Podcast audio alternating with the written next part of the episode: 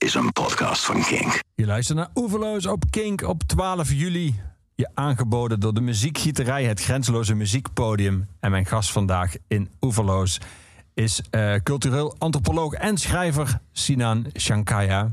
Sinan, welkom in Oeverloos. Ja, Fijn dat je er bent. We gaan het uitgebreid hebben over jouw boek, Mijn ontelbare identiteiten. Mm. Uh, inmiddels toe aan de, volgens mij al vierde herdruk. Proficiat ermee. Ja, dankjewel. En we gaan muziek draaien. Muziek uh, waar jij zelf van houdt. Muziek die jou uh, op welke manier dan ook heeft bijgedragen aan jouw leven. Of jouw inzicht heeft verschaft. Of inspiratie waar je gewoon van genoten hebt. We hebben lekker veel nummers. Dus ik stel voor dat we eigenlijk meteen beginnen met een nummer. en wel met Kendrick Lamar. Met uh, Alright van het album To Pimp a Butterfly van vijf jaar geleden. Mm. Um, waarom deze? Wat, wat, wat, wat, wat is het verhaal voor jou achter dit nummer in jouw leven? Nou ja, het is heel erg uh, toepasselijk. Um, dit nummer uh, kwam op bij die eerste golf van protesten tegen politiegeweld, vijf jaar geleden. De ja. Black Lives Matter beweging. En het viel toen, viel toen samen. Um, en het werd eigenlijk van het symbool of het protestnummer van, uh, van die eerste golf van uh, protesten, dus tegen uh, politiegeweld tegen Afro-Amerikanen in, de Verenigde Staten. Ik vind het een geweldig nummer. Het is, het is maatschappij kritisch. Um, ik, ik heb vroeger um, veel geluisterd naar rapmuziek. En, um, van de generatie voor Kendrick Lamar, of niet? De, de meer oldschool hip-hop. Ja, ja, ja, ja. oldschool hip-hop. Ja. ja, dan ging ik eh, stiekem uh, luisteren naar de cassettebandjes van mijn zus. Die luisterde naar NWA. Ja. Um, en dan uh, kroop ik in naar, uh, naar kamer en dan ging ik die cassettebandjes luisteren. Dus daar, daar is het begonnen. En, en, en, ja, waarom, waarom stiekem? Waren de was je nog te jong voor de teksten? Nee, ik mocht, ik mocht niet uh, in de slaapkamer van mijn zus zijn. om, die, om die reden stiekem. um, Ja, maar dat, dat dus ja, in hip-hop en, en, en het maat, maatschappij kritische van hip-hop, dat, ja, dat, dat spreekt mij zo erg aan. En, uh, en dit nummer is gewoon geweldig. Ja. Op een bepaalde manier resoneert het ook. Hè, natuurlijk niet één op één uh, vergelijkbaar enzovoorts. Maar, maar het sentiment van, de, van, van dat nummer, dat, uh, dat spreekt mij heel erg aan. Als jij nu die, luister nog wel eens aan die oude NWA of Public Enemy, een beetje natuurlijk uit dezelfde tijd. is, dat, is dat ook overeind gebleven, vind jij? Die muziek en die boodschap van toen? Ja, nou ja, overeind gebleven. Ik denk wel dat uh, die muziek een enorm belangrijke rol heeft gehad in wat daarna natuurlijk is, uh, is gevolgd.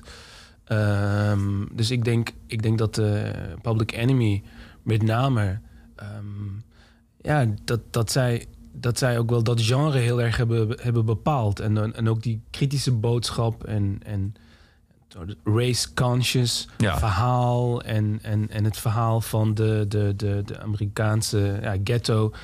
Um, ik, denk, ik denk dat zij wel een, een enorme belangrijke ja, soort stempelfunctie hebben gehad. Ja, de Black Man's CNN noemde Chuck D zelf het uh, zeg maar hip-hop, de functie ervan. Ja, precies. Ja. ja. Ja. en ik denk dat zij dus daarmee ook inderdaad dat, dat verhaal, zoals je het zegt, hebben, hebben um, vertaald naar, naar grotere publieken ook.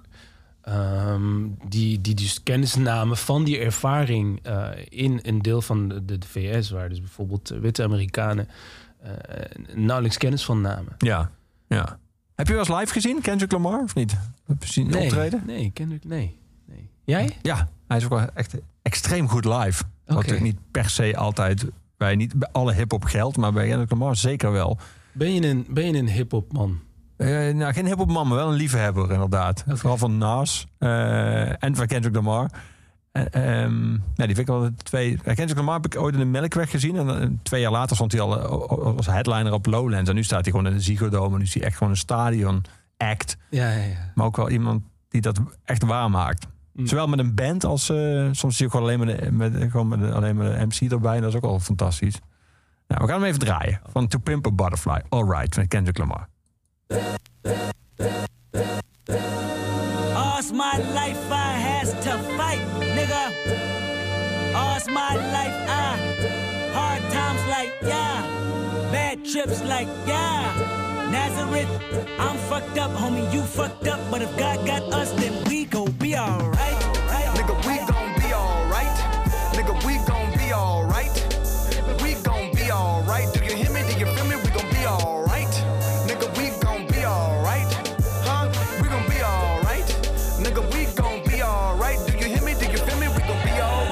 Uh, and when I wake up, I recognize you looking at me for the pay cut. Bahamas, I be looking at you from the face down. One Mac 11, even boom with the face down. Skimming, and let me tell you about my life. Painkillers only put me in the twilight. With pretty pussy and Benjamin is the highlight. I tell my mama I love her, but this what I like. Lord knows. 20 of them in my Chevy, tell them all to come and get me. Reaping everything I sow, so my karma come in heaven. No preliminary hearings on my record. I'm a motherfucking gangster. Silence for the record. Uh. Tell the world I know it's too late. Girls, I think I've gone crazy. Trying to side my faces all day. Won't you please believe when I say, when you know we've been hurt, been down before. Nigga, when our pride was low, looking at the world like, where do we go? Nigga, and we hate po po when they kill us dead in the street for sure. Nigga, I'm at the preacher's door. My knees getting weak and my gun might blow, but we gon' be alright.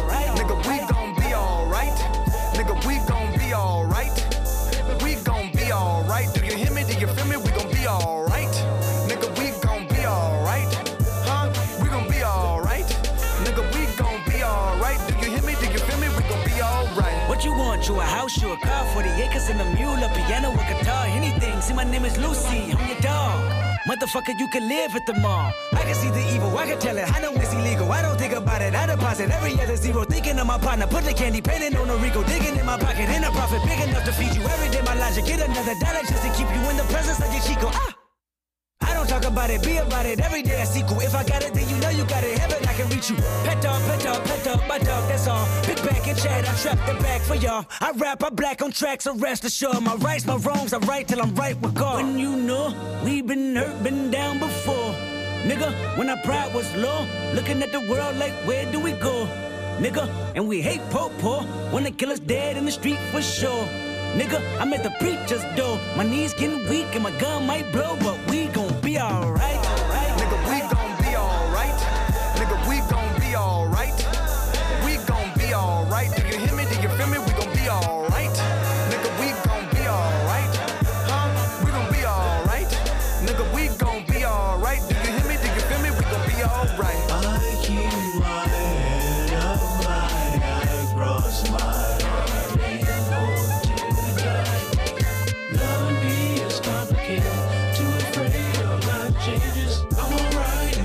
In your dark nights and my prayers. I remember you was conflicted, misusing your influence. Sometimes I did the same, abusing my power full of resentment, resentment that turned into a deep depression. Found myself screaming in the hotel room. I didn't want to self destruct. The evils of Lucy was all around me. So I went running for answers. Ja, tof hoor. Kendrick Lamar, hoorde je. Sinan, fijn om hem weer te horen, hè? Ja. Zeker. Ehm, jouw boek, Mijn Ontelbare Identiteiten, eh, gaat uiteraard, zoals de titel al eh, aangeeft, over identiteit. Maar er zit ook wel een hele spannende ehm, spanningsopbouw in. Omdat het eh, boek begint met een mail die je krijgt van je oude school. Die bestaat 40 jaar en die gaan dat vieren. En die vragen of jij... je begint je boek met die mail, ik zal hem even voorlezen. Eh dag Sinan, bij deze mail ik je verzoekje namens je oude middelbare school. Dit jaar bestaat de school 40 jaar. Ik heb de opdracht gekregen dit jubileum vorm te geven. We gaan een event organiseren en een publicatie maken... waarbij de verhalen en de gezichten van de mensen die de school maken... centraal komen te staan. En voor de rubriek Wereldburgers ben ik op zoek naar oud-leerlingen... die over de grenzen heen zijn gaan kijken. Volgens mij ben je daar een goed voorbeeld van. Heb je zin en tijd om mee te werken aan een interview... inclusief portretfoto? Ook willen we je graag als spreker op de viering zelf... Graag hoor of lees ik van je alvast dank. Vriendelijke, groep, vriendelijke groet Jenny Boom. En dat loopt eigenlijk als een rode draad door het boek. Niet alleen jouw opmaat naar eh, de lezing, maar ook jouw gedachten bij wat een van jouw oud-docenten was, die eh, zeer actief was in eh, de Centrumpartij. Dat is de voorganger eigenlijk van de Centrum Democraten, de partij van Hans Janmaat. Eh, maar de- deze Nico Kons was eigenlijk eigenlijk nog radicaler dan, dan Jan Maat zelf. Eh, ehm, en dat, dat, dat is heel spannend, omdat je het hele boek je blijft afvragen. Want je gaat ook research doen naar eh, jouw oude leraar. En eh, hoe, hoe je uiteindelijk die lezing gaat geven. En hoe die confrontatie, of een confrontatie wordt met hem, hoe die plaats gaat krijgen.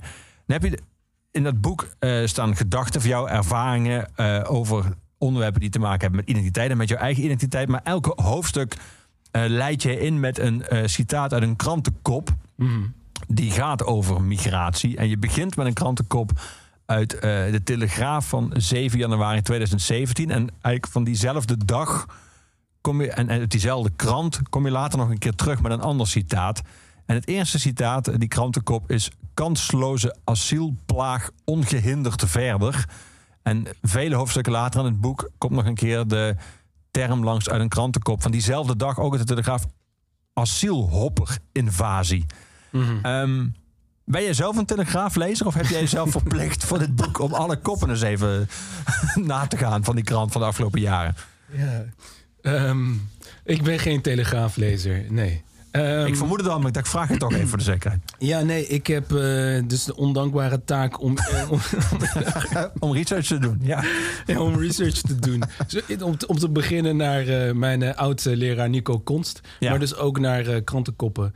Ehm, ik moet zeggen, ehm, een, een heleboel krantenkoppen eh, van de Telegraaf. Maar er staan ook andere krantenkoppen in. Ja, van klopt. Algemeen Dagblad, NRC, Volkskrant. ja. Je zou er een quiz van kunnen maken, maar ik moet eerlijk zeggen dat je nou vaak toch wel kan raden welke van de Telegraaf is. Ja, ja, ja, ja, ja, ja klopt. Ja, ja en, en eh, wat, ik, wat ik dus ehm, met die krantenkop probeer te doen, is, is ook duidelijk maken hoe de media natuurlijk een bepaalde rol speelt in Ja. bij het instand houden van beelden over migratie, integratie en de ander. Ja. En in dit concrete geval, het begint dus met die eerste krantenkop. ehm, Kansloze asielplaag ongehinderd verder. Precies. En vervolgens eindigt het met en de, de allerlaatste krantenkop. En dat is nogal provocatief. eh, maar de laatste krantenkop is Jodenplaag in Amsterdam. Telegraaf, 15 november 1941. Ja. En ehm, wat ik wil duiden, en dat is dus hoe eigenlijk eh, ontmenselijking plaatsvindt door dit soort parallellen te trekken. Door, door mensen te vergelijken, vergelijken met ongedierte, met, Ja. met een plaag. En ik, ik vind dat, dat we dat heel serieus moeten nemen. Ehm, omdat je, je ziet ook in het hele spreken over vluchtelingen, met, met name over vluchtelingen en de migratiecrisis, dus naar dat eh, punt 2015. ehm, dat, dat, dat, dat met name het spreken over vluchtelingen, dat daar bijna alles is toegestaan, lijkt het wel soms. Ehm, en één verhaaltje in het boek is dan dat ik een, eh, een, een, eh, een zelfverklaarde PVV'er tegenkom na Ja. het uitgaan. En die zegt op een gegeven moment van... eh, ja, maar het gaat mij niet om jou. Het gaat mij om die vluchtelingen. Dus dan zie je ook hoe, hoe gekke tegenstellingen ontstaan, gekke paradoxen ontstaan, waarbij ik kennelijk er, er, er dus bij mag horen, maar dat komt met een prijs, eh, zeg ik altijd. Er, er is iemand die sneuvelt. En op dit huidige politieke moment zijn dat in mijn ogen eh, vluchtelingen. Ja. Ehm, en, en, en, en die taal, ja, daar, ik, heb, ik sta er versteld van, maar, maar kennelijk is daar heel veel gepermitteerd. Ja, dus de Telegraaf natuurlijk eigenlijk een campagnekrant. Dat je als zij inzetten tegen rekening rijden, dan, dan zijn ook alle koppen hebben een soort van lading die, die eigenlijk op een, op, een spandoek zou kunnen zetten, waarmee je op, op de dam zou kunnen gaan staan. Eh, ehm, dus dat, dat doen ze eigenlijk op, op, op tal van onderwerpen. Als zij met een minister, als zij minister weg willen, wordt het gewoon zeg maar, een campagne ingezet met allerlei krantenkoppen met dat soort termen. Maar zo die nou eens nemen, want kansloze asielplaag ongehinderd verder. Op zich kansloos is, zou je nou kunnen zeggen, is het woord waar ook een, een lading aan zit. Je, zegt ook wel eens tegen iemand van dat was een kansloze actie van je. Of, eh, eh, Maar op zichzelf bedoelen ze, neem ik aan, dat het asielzoekers zijn die, eh, die asiel aanvragen, die geen enkele verwachting kunnen hebben dat ze dat asiel krijgen. Eh, maar wat mij betreft zit er vooral in het woord plaag. En dat plaag wordt dan nog extra versterkt door er links van kansloos te zetten en ongehinderd rechts ervan. Ja, dan heb je een soort van opteleffect. Maar het woord plaag is denk ik wel. heb ik al ervaren als het zeg maar, binnen de crux van deze kop. Daar zit wel de kern in van. Ja, nee, ja, nee, nee zeker. Dus dat is, dat is het, het eh, reduceren van mensen tot ongedierte. En ja, ik bedoel, eh, wat, wat doen we met ongedierte? Ongedierte moeten we eh, vernietigen, toch? Ik bedoel, ehm, ongedierte moet verdwijnen, ongedierte moet weg, dood. Ehm, dus het zit hem hi- hierin met name, hoe, hoe taal ook mensen ongevoelig maakt. Ehm, als, het, als het zich telkens ook herhaalt. Ja, bedoel, dit, het gaat hier niet om een eenmalige actie. maar het gaat om een bredere context. Even weg van de telegraaf. ja, Eh, want dat is makkelijk net zoals het ook heel makkelijk is om ons te richten op een, een PVV'er. Ik, denk dat eh, die taal in Nederland de laatste 20, 30 jaar al steeds harder wordt. Om te spreken over de ander, over, over migranten, over cultuur. eh, het, het hele racisme-debat. Ehm, hey, vanuit dat, dat idee van... eh, ja, maar we moeten de problemen toch benoemen... en we, we mogen het niet onder het tapijt vegen... zijn we... Ja, ik bedoel, de onderbuik is gewoon helemaal geleegd... eh, zou je kunnen, kunnen, kunnen zeggen. En... ehm, ik vind het dan ook altijd heel erg mer- merkwaardig dat we vervolgens weer zeggen van... Ja, maar we moeten niet polariseren. En eh, moet, de boel moet bij elkaar blijven. En, en het redelijke midden. En we moeten in debat met elkaar. Maar volgens mij is, is hetgeen wat nu juist niet gebeurt... in debat met elkaar treden. Het, het gesprek met elkaar aangaan. En ik zie niet in hoe, hoe deze eh, kwalificaties... hoe dit soort woorden eh, in godsnaam, wil ik, wil ik zeggen... kunnen leiden tot een productief gesprek over over, over, over de ander, over vluchtelingen enzovoort. Ehm, dus het gaat mij daarom. Ja. En, en even in een kleine terzijde, want, want dat vind ik ook wel belangrijk. Kijk, ehm, het is bijvoorbeeld heel erg vaak gegaan. Eén krantenkop eh, die in het boek staat is... Angela Merkel, voortbestaan EU in gevaar... als leiders het niet eens worden over indammen migratiestroom. Een krantenkop uit de Volkskrant. Ja. Waarom heb ik deze gekozen? Omdat het natuurlijk heel erg veel is gegaan over de uitspraak van Angela Merkel. Weer schaffen das. Ja. Dat is een belangrijk eh, moment geweest.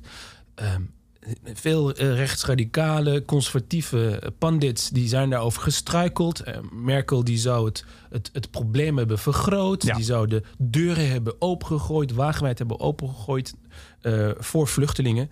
Alleen 2018 zegt Merkel dit. En ehm, ik bedoel, ze maakt er ook bijna iets existentieels van. Voortbestaan EU in gevaar. En ze gebruikt daarbij ook het, het woord stroom. Indammen migratiestroom. En ook, dat, ook die metaforen, die beelden zijn heel erg belangrijk. En, en, en dat, dit is subtieler dan het voorbeeld van Ja. zojuist. Ehm, maar een stroom ehm, ehm, doet denken aan iets, eh, aan een natuurlijke kracht. Aan, aan, aan, aan iets wat destructief is in potentie. En, en dat moet dus worden tegengehouden. Dus hier worden vluchtelingen worden vergeleken met een potentieel destructieve natuurkracht. En het is ook belangrijk om hier de aandacht op, op de op de, eh, Maar hoe zou je er, als je, eh, stel je vindt dat er eh, in die tijd, toen, er, eh, toen we allemaal die verschrikkelijke beelden zagen van die bootjes waar de honderd mensen aan elkaar vastgeklampt dan probeerden eh, Europa te bereiken. Stel je bent van mening dat, het, eh, dat dat op zichzelf een probleem is. Niet alleen op het zeg maar, humanitair niveau voor die mensen op die bootjes. Maar dat dat te veel is. Of dat je vindt dat er te veel vluchtelingen komen. Of dat het een aanzuigende werking heeft. Of dat dat. eh, wat je verder ook vindt. Maar welke termen zou je daar vind je wel voor kunnen gebruiken. Die dan wel de ernst van het probleem. Wat jij als probleem ervaart. eh, aanduiden. Zonder dat ze meteen ontmenselijkend werken.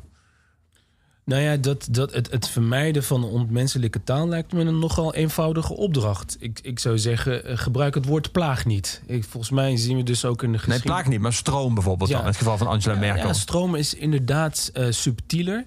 Ik, ik denk, ik, kijk, mijn idee is het dat, dat dit soort woorden niet ehm, zomaar worden gebruikt. Dit soort, dit soort woorden ehm, worden nu juist gebruikt om een bepaalde politieke werkelijkheid in het leven te roepen. Om een bepaald beeld te schetsen die altijd natuurlijk reducerend is en, en een complexiteit eh, onrecht aandoet. Ja, maar van Angela Merkel zou je nou kunnen zeggen... we- dit is immers de vrouw van Wirschaft van Dat... wat ze daarna ook bij ieder incident... met iedere vluchteling op het bordje terugkreeg... die, is, die zou je kunnen zeggen... Die, is niet, die kun je niet verdenken van de meest kwade opzet... ri- richting vluchtelingen. Nee, nee, nee, zeker niet. Nee, maar goed, dat bedoel, en het geldt ook voor een heleboel progressieve mensen. En dat is dus de reden waarom ik dit eh, citaat ook wilde selecteren. Om dus duidelijk te maken hoe, hoe eh, ingewikkeld het ook is eh, met, met de taal. Maar laat ik hierover zeggen, ja, ik, ik- laten we eh, die gesprekken voeren, dat debat aangaan. Ehm, maar kijk, in relatie tot die migratiecrisis, ja, ik heb daar een ander perspectief over. Ik, ik neem bijvoorbeeld dat uitgangspunt van opvang in de regio. Ja. We doen niets anders dan opvangen in de regio. Dat is meestal het antwoord van mensen die eh, zeggen... Ja, ik ben wel voor opvang, maar dan in de regio. Dat is Ja, meestal... ja, maar dan denk ik, oké, maar dat is wat er nu gebeurt. Eh, kijk naar de, de omringende landen, Turkije, eh, Libanon, Jordanië, enzovoort, enzovoort. Die doen niets anders dan vluchtelingen opnemen.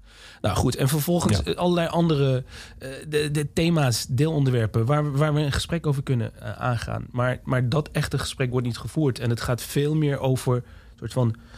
figuren die we ehm, eh, in het leven roepen als angstbeelden... waardoor eigenlijk gewoon dat het echte politieke gesprek niet wordt gevoerd. Ja, Ehm, en we daardoor in clichés verzanden. Ik bedoel, neem de migratiedeal. Dat, in, het, in het boek met Turkije. Ja. eh, verwijs ik daar kort naar. ja. Eh, migratiedeal, oké. Ja, dan denk ik, maar waarom gaat de EU een schimmige migratie aan, een migratiedeal aan met Turkije... die de mensenrechten niet serieus neemt? En wat de EU dan in feite doet, is haar, ehm, haar morele verantwoordelijkheid... Ik, eh, dat benadruk ik, morele verantwoordelijkheid... eigenlijk uitbesteedt aan Turkije. Ja, en daar moeten we ook over in gesprek met elkaar gaan. En dan krijg je weer een ander beeld, wat, eh, wat we heel, eh, waar ik weer heel kwistig mee rondstrooien: deugenmens. Hè, alsof dat weer, dat, alsof, alsof, maar dat, dat maakt ook weer een gesprek onmogelijk. Eh, ja. Volgens mij zijn er internationale standaarden of mensenrechtenstandaarden waarlangs we een bepaald optreden kunnen bekritiseren. En dan mijn standpunt is: eh, oké, maar de EU heeft hier ook een eigen verantwoordelijkheid en aandeel in. En eh, er gebeurt nu te weinig in relatie tot die migratiecrisis. En wat de EU in feite doet, is de grenzen wegduwen naar derde landen, naar Libië, Turkije. En zij mogen dat probleem oplossen. En wat er in feite gebeurt, is eh, ja, de handen wassen in onschuld. Ja. Je noemt die term deugdmens. Ik moest aan denken toen jij eh, in je boek schrijf je dat je rond je twintigste, eh dan zit je op een zolderkamer, wat studiegenoten. Mhm. En dan zijn je eigenlijk net begonnen in je studie. En dan zijn jullie, zoals je dat zelf eh, schrijft, aan het jong leren met academisch jargon. En gebruik je woorden als sociaal construct Mhm. te met elkaar in gesprek gaan. Ik moest toen denken aan dat heel veel debatten, zeg maar sinds woke, worden wat in mijn beleving onmogelijk gemaakt doordat mensen allerlei al dan niet lelijk vertaalde Amerikaanse universiteitstermen erin gooien. Als je iets zegt, is het mansplaining of white fragility. En dat geldt ook voor zo'n term als deugdmensen. Allemaal termen waarmee je eigenlijk iemand meteen spreken onmogelijk maakt. Eh, ze- die worden zowel in mijn beleving ter linkerzijde als ter rechterzijde gebruikt. Waarna, ja, als, ik jou deugdmens noem, dan heb ik jou dan kennelijk mee gedisqualificeerd. Ik weet niet precies op welke grond. En dan, ja, dan is het kennelijk alles wat jij daarna zegt, geldt niet meer. Want jij bent een deugdmens. Ehm, moet jij daar vaak aan terugdenken? aan die tijd dat jij rond de 20 was in je studie begon en merkte dat jullie het ook wel interessant vonden om van die zware termen te gebruiken in een gesprek? Ehm, omdat dat nu ook zoveel gebeurt? Ehm, ik herken wel wat je zegt hoor. Ehm, kijk, ik ben antropoloog. Ja. En, en, en, die, en, en veel, elk beroep heeft zijn eigen jargon. ja. ja. En, en een begrippenapparaat waarmee we de, de wereld proberen te duiden en te begrijpen. De Advocaten tot ehm, artsen eh, en de antropologen dus ook, sociologen ook. Maar, maar ik begrijp wel dat op het moment dat eh, de termen in een publiek debat worden gelanceerd, dat, ja, dat, je, dat je dan ook moet nadenken over de vertaling van die termen. En ehm, ja, ik ben, het, ik ben het er wel mee eens dat. dat, dat ehm, ja, dat. dat hoe moet ik dit zeggen? Ehm, ik vind dat eh, de woke taal soms een performance is. Wat een blik op echt institutioneel racisme ehm, verblindt. Ehm, of, of zelfs buiten het gezichtsveld houdt. Ik, ik vind dat de kritiek met name gericht moet worden op instituties, op de politie, op de Belastingdienst, op ehm, politieke uitspraken, op, op, op de opkomst van rechtsradicalisme. Dat zijn hele serieuze problemen. Op, daar gaat het zelden over, maar op hoe klasse en, en ras en etniciteit op elkaar ingrijpen en, en bijvoorbeeld uiteindelijk arme mensen met name treffen. Ook uit, uit, het, uit het witte arbeidersmilieu. ja. Ik vind dat het daar veel meer over mag gaan. En, en vervolgens vind ik ik, ik ben het daarmee eens voor een deel. De, die hele taal over white fragility en white privilege. ehm, soms ehm, leidt het ertoe dat dat institutionele, structurele perspectief uit het gezichtsveld verdwijnt. En, en dat is wel iets wat, wat mij soms zorgen baart. Ja. Ehm, Even één ding nog voor we muziek gaan draaien. Die term deugdmens is toch wel interessant, omdat er op de een of andere manier eh, lijkt het bijna een beschuldiging dat je deugt. Of dat je probeert te deugen. Of dat je probeert een goed mens te zijn. Of dat je probeert langs morele maatstaven te leven. Eh, dat, dat wordt eigenlijk een soort van tegen gebruikt. En als ik dan op Twitter, toch over het algemeen de term waar deze, eh, of de plek waar deze term het vaakst gebruikt wordt, deugdmens. Is dan, als je dan, dan verder gaat lezen, altijd. Het, de ergernis is kennelijk dat mensen die willen deugen. zich daar heel erg op voorstaan. Dat dat dan kennelijk is- is wat je tegen zegt. Dat het eigenlijk een soort ijdelheid is. Dat je heel erg dweept met het feit dat je morele maatstaven hebt. Waardoor het op zichzelf dan opeens wel verdacht wordt gemaakt dat je die probeert te hebben. Ik merkte net, jij gebruikt het woord morele. Dat je even een soort van bijna een seconde aarzelde. En dat je dacht, ik gooi hem gewoon erin. Maar ik ga hem Ja, toch zeggen. Goede observatie, ja. Ja, nee, ik bedoel, er is, er is natuurlijk iets heel erg geks aan de hand met, met, met de inzet van dat woord deugdmens. Maar eh, in, in het soort. ehm, eh, de, de hoek van waaruit dat begrip eh, is gelanceerd, volgens mij, fora als, als geen stijl Ja. enzovoorts. Ja, ik denk dan van, maar wat is nu de positie die zij innemen? Is dat er een van moreel nihilisme? Is dat er een van everything goes? Ehm, dus dat wordt zelden duidelijk. Want wat is nu... Want zij, zij zetten het inderdaad in om de ander te disqualificeren. Ja. Op grond van kennelijk morele normen of, of een soort van normativiteit Ja. eh, waar zij van uitgaan. Mensenrechten? Wat, dus ik, ik, ik, begrijp, ik begrijp niet zo goed wat dan het, het, het gepropageerde eh, voorstel is vanuit de andere kant. Ehm, eh, nihilisme? Ehm, alles, alles, alles mag, Ja. alles moet. Of deugd niet mens of zo. Of dat dat. Ja, Ja. dus het is, dat, dat, dat blijft mij heel erg eh, on- on- onduidelijk. En ja, het is, ehm, ik bedoel, intellectueel gezien eh, vind ik dat er dan eh, heel erg weinig over te, over te zeggen is. Dus ik begrijp aan de andere kant wel weer dat in op soort eh, Twitter-modder vechten, dat dan, dat dan progressieve mensen weer dat label gaan omarmen. Ehm, want ik bedoel, voor mij geldt, ik, zie niet in wat het alternatief dan is. Ja, ik probeer een leven te leiden. ehm, een soort van een, een fundament met bepaalde morele, ethische, normatieve standaarden. Ja. Ik, ik zou niet weten hoe ik anders mijn leven moet invullen. En dat is, daar, daarin spelen begrippen als sociale rechtvaardigheid eh, in de publieke ruimte speelt daar ook een belangrijke rol in. Want anders, anders was ik geen antiracist geweest. Ja. Ehm, en ja, er is, een, er is een soort citaat. Er is een citaat van Cornel West, Afro-Amerikaanse filosoof, en die zegt: sociale rechtvaardigheid is liefde in de publieke ruimte. Ja, wat een deugdmens. Ja. Cornel West. ja, en ik dus ook Ja. in navolging van, eh, van, van Cornel West. Ja, Ja. Laten we wat deugdmensen muziek gaan draaien. Lijkt me een heel goede. Eh, laten we Tracy Chapman gaan draaien en Sam Cooke achter elkaar. Eh, om met Tracy Chapman te beginnen, I'm Ready. Ehm, eh, van New Beginning. Heel veel mensen, als ze Tracy Chapman eh, willen horen, willen ze heel vaak iets van ja, eerste of van een debuutalbum horen. Of soms nog van Crossroads die daarna kwam. Maar je hebt eindelijk bij dus iemand die een ander album heeft uitgezocht. eh, New Beginning uit eh, 1995. Ja. Maar waarom deze? Waarom I'm Ready? Ja, ja, er zit wel een soort verhaaltje bij. Ik heb ehm, eh, na mijn VWO ben ik een, een, een, een jaartje gaan rondreizen. En ik heb onder andere gewerkt in, op een talenschool in Zuid-Frankrijk, Antibes.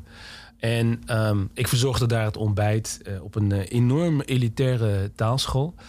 En, ehm, en je had daar van die huisjes, van die cabines. En, en, en elke dag eh, hoorde ik zo uit, uit een van die huisjes hoorde ik, hoorde ik dit nummer van Tracy Chapman.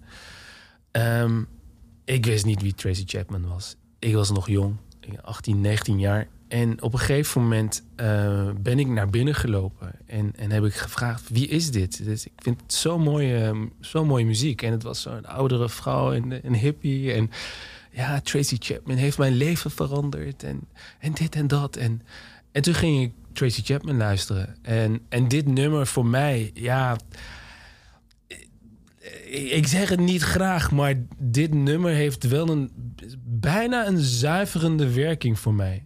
Ehm, en ik denk ook op dat moment toen ik ernaar ging luisteren, de vraag van wat ga ik met mijn leven doen? En, en, en de, de, nou ja, goed, het speelt ook een belangrijke rol in dit boek. Ja. De vraag wie ben ik? Maar het was wel een soort eh, crossroads nummer voor mij. Eh, I'm Ready ook. Een soort nieuwe fase. Maar ja, met name de muziek, de stem van Tracy Chapman. En, en Ja, die valt iets geruststellends, hè, die stem. Of iets van kalmerends of zo. Is enorm. Ja, ja. ja. enorm. Ja, we gaan naar luisteren. Eerst I'm Ready, Tracy Chapman.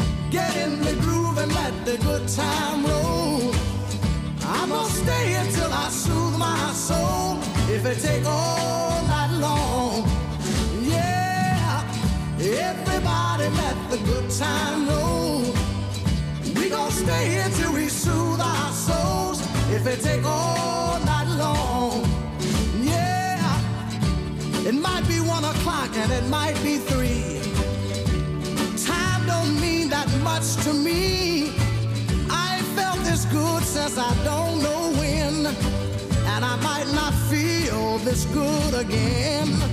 So come on and let the good time roll.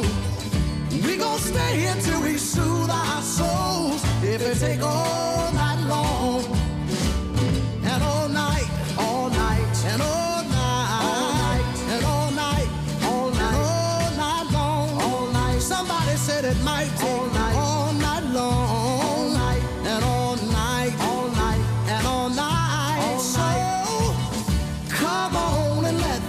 time roll.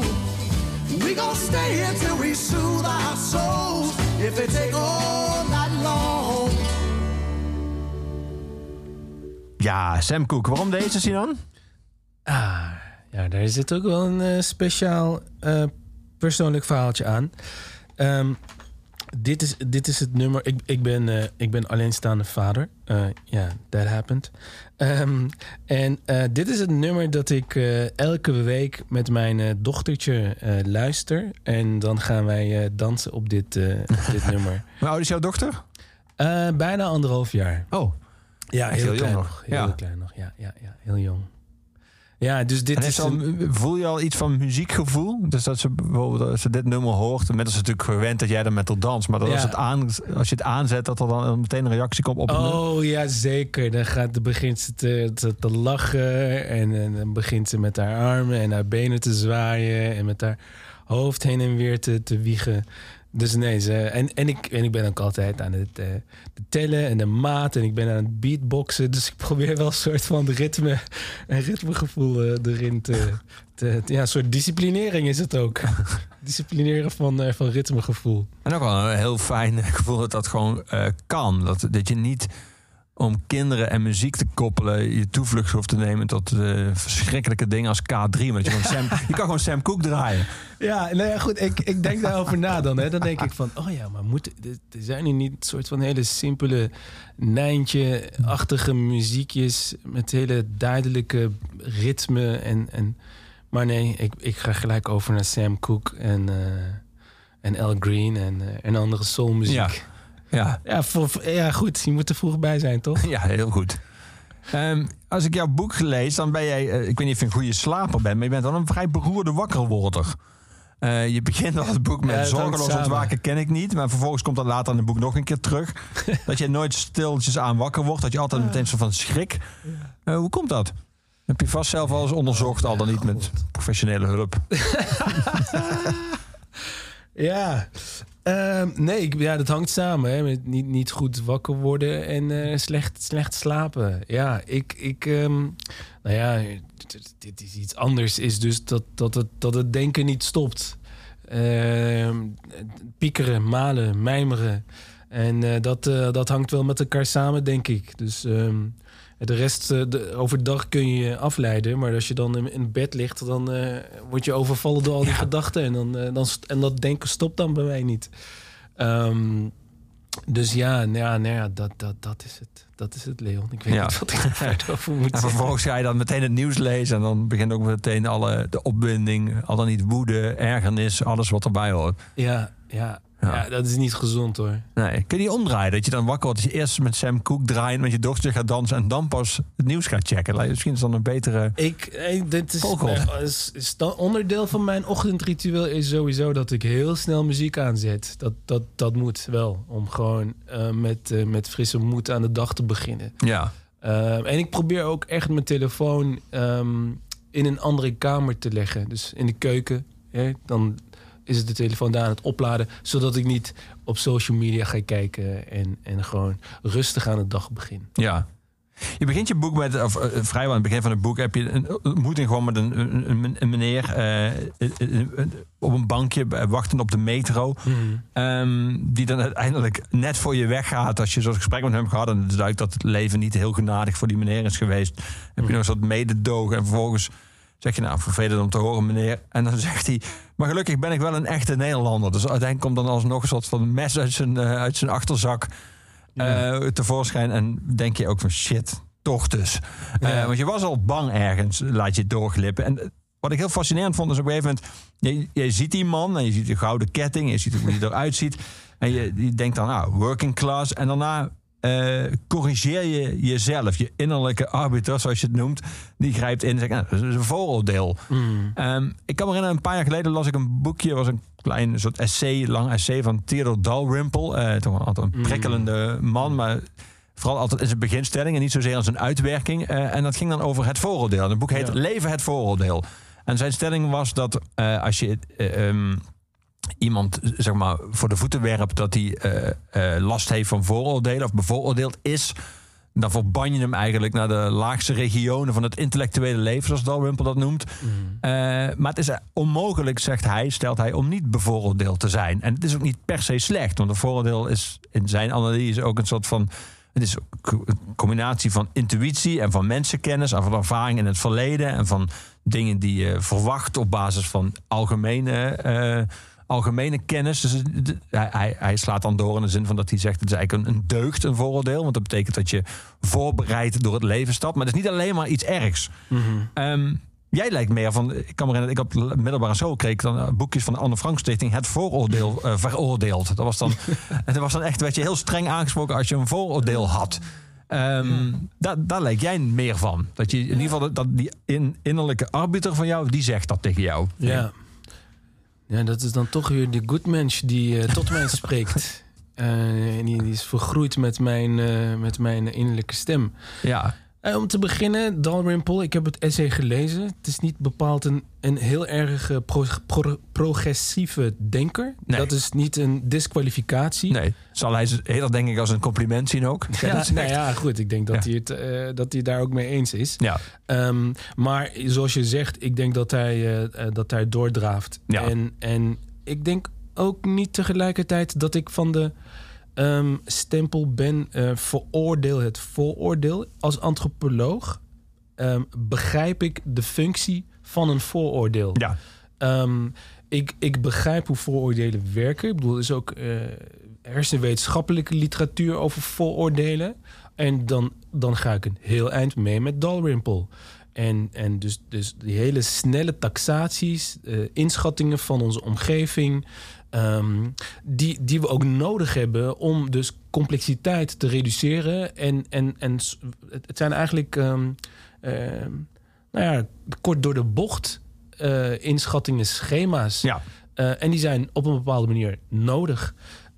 Alleen, we weten ook uit diezelfde literatuur, diezelfde literatuur vertelt ons ook eigenlijk wat jij precies zegt, dat je dus eh, je, je, je bewust kunt zijn van een vooroordeel. En als gevolg van dat bewustzijn kun je ingrijpen op een vooroordeel. En ik zou zeggen dat dat uiteindelijk mijn positie is. Ja. Dus, dus niet een soort eh, veroordeling van het feit dat we vooroordelen hebben. Nee, die, die hebben we. Ehm, maar we zijn geen. Ja, dat, dat is een woord die ik in het. in- Een zin die ik in het boek herhaal. We zijn geen onnadenkende zombies. Nee. We zijn, we zijn handelende wezens. We zijn actoren. We hebben reflexieve capaciteit. En Ja. het is die reflexieve capaciteit die ertoe leidt dat we dus kunnen ingrijpen op onze vooroordelen. En laat ik er nog even aan toevoegen. ehm, inderdaad, hè, dat eh, gesprek met eh, meneer Jacobsen. En hij, op een gegeven moment zegt hij... maar gelukkig ben ik wel een echte Nederlander. En hij Ja. benadrukte het ook. En ik dacht van, oh mijn god, daar gaan we. Ja. Dit was inderdaad een, eh, een, een, een kutdag. Ehm, want ik eh, had niet goed geslapen. Alleen, vervolgens zegt meneer Jacobsen... zoals je hoort, kan ik nog steeds zeiken als de beste. Ja, ja. En dat was voor mij ook een hele fijne eh, plotwending. En, en heel welkom. En vervolgens maakte ik het nog Hollandser... door te zeggen dat tenminste de zon scheen. En dat is ook heel iets Hollands om het altijd over het weer te hebben. Ehm, maar ja, dus, dus ik, zou eigenlijk willen zeggen van... in het boek beschrijf ik meer van dit soort voorbeelden... Van, van ja, harde uitsluiting, harde vooroordelen. Maar ik, ik beschrijf ook de situaties waarin, waarin ik zelf inderdaad iets projecteer op een ander. En ergens van uitgaat terwijl de ander dat helemaal niet bedoelt. En het, ik, ik, het, het gaat ook over de misverstanden en, eh, en onbedoelde vormen van, Ja. eh, van, van uitsluiting. Eh, ja, dus, dus, ja, en hoe ingewikkeld eigenlijk alledaagse ontmoetingen zijn. Dus ik zou eigenlijk Ja. willen zeggen dat ik eh, in het midden sta. En Mhm. dat een soort midden, middenweg, midden, middenpositie inneem. Ehm, maar neem mijn werk, onderzoek bij de politieorganisatie. Ik heb onderzoek gedaan naar Ja. etnisch profileren. Nou ja, kijk, ehm, eh, we hebben in het geval van de politie hebben we het over een rechtsstatelijk instituut. Ja, we hebben het net over good mention gehad, maar het is een good ins- instituut die zich moet voegen en, en, en houden aan eh, normen, rechtsstatelijke normen, waaronder artikel 1 van de grondwet, non-discriminatie. Ehm, agenten moeten good mensen zijn in de kern. Eh, ze moeten neutraal en objectief zijn. Dus op, voor, voor, voor een agent geldt, oké, prima, vooroordelen. Alleen, ehm, het is belangrijk om daar iets mee te doen. Kunnen niet volstaan met een, een, een, een lang leven het vooroordeelachtige claim. Nee, we, moeten we, moeten daarmee, we moeten aan het werk. Sterker nog, ik zou overigens willen uitzoomen. En ik vind ook die hele focus op vooroordelen op een bepaalde manier niet helemaal productief. Omdat het voor mij ook veel meer gaat. Het gaat niet zozeer om cognities en psychologisme van, van, eh, van, van, van, van Leon en, en Leons vooroordelen. Nee, het gaat er uiteindelijk om hoe die vooroordelen nu op een collectief, structureel, institutioneel wer- niveau werken. En dat is eigenlijk steeds waar ik naartoe wil. Ik wil dus die bredere context, waaronder die krantenkoppen waar we het net over hebben gehad, die hebben een soort structurerende uitwerking. Ja. Waardoor we op bepaalde manieren gaan denken na verloop van tijd. En, en dat vind ik veel zinvoller om, om, om te bespreken, om over na te denken. Want voor die agent geldt dus ook dat zijn optreden, zijn handelen, vindt plaats binnen een bredere context. Waarin we het bijvoorbeeld al 20, 30 jaar hebben over over eh, criminaliteitsstatistieken die we uitdrukken langs eh, etnische en, raciale categorieën, over enorme mediageweld, over eh, be- bevoegdheden die, die veel meer mogelijk maken, waardoor agenten op bepaalde manieren gaan werken, enzovoorts, enzovoorts, enzovoorts. Dus dat vind ik zinvoller dan die overfocus op vooroordelen. Mhm. Even over de politie. Je hebt er onderzoek voor gedaan. Je bent gepromo- gepromoveerd op diversiteit in de politieorganisatie. In 2012 verscheen jouw onderzoek. Je schrijft ook in je boek, toen trad je eigenlijk samen met de politie op. Eh, je moet ook over dat onderzoek natuurlijk vertellen. Het valt me op als je dan in, jouw, in, in, in dit boek eh, af en toe iets beschrijft... dat je met de politie op, op, op stap ging... dat je je, je, je vrij nadrukkelijk positioneert als buitenstaander. De, de, de politiemensen hebben natuurlijk ook... dat kun je natuurlijk allerlei theorieën over ophangen wat dat voor een functie heeft, hoe dat ontstaan is. Hebben natuurlijk een bepaald soort eh, humor of een bepaald soort harde manier van praten. Ook waarschijnlijk uit zelfbescherming. Dus als we bijvoorbeeld hebben over iemand die zelfmoord gaat plegen, dan ga je met iemand mee en zegt: We hebben een springer. En die zegt dat bijna op een soort enthousiaste manier. Ehm, hoe, hoe was dat voor jou? Want je, je, was daar, je was eigenlijk onderdeel van de organisatie, maar je bent natuurlijk niet van de politie. Maar je moest Nee. wel elke dag met ze optrekken om, om je onderzoek te kunnen doen. Hoe, hoe vond jij het om die positie te hebben? Om zeg maar in een organisatie te zitten en die mensen ook echt heel goed te leren kennen. Maar tegelijk ook wel, al dan niet met één been, eh, de, de buitenstaander te zijn. Ja. Hmm. Ik, ja, weet je, ik denk dat hier het persoonlijke met het professionele is vergroeid. dus, dus mijn neiging om, eh, om eh, me te, te hullen in de verlatenheid en de, de rol van de vreemdeling te omarmen, is denk ik op een bepaalde manier vergroeid met het zijn van antropoloog. Ja, En het past een antropoloog om te observeren, om, om je eigenlijk aan de randen van groepen eh, te bevinden. ja. En- met één been erin en één meter uit eigenlijk.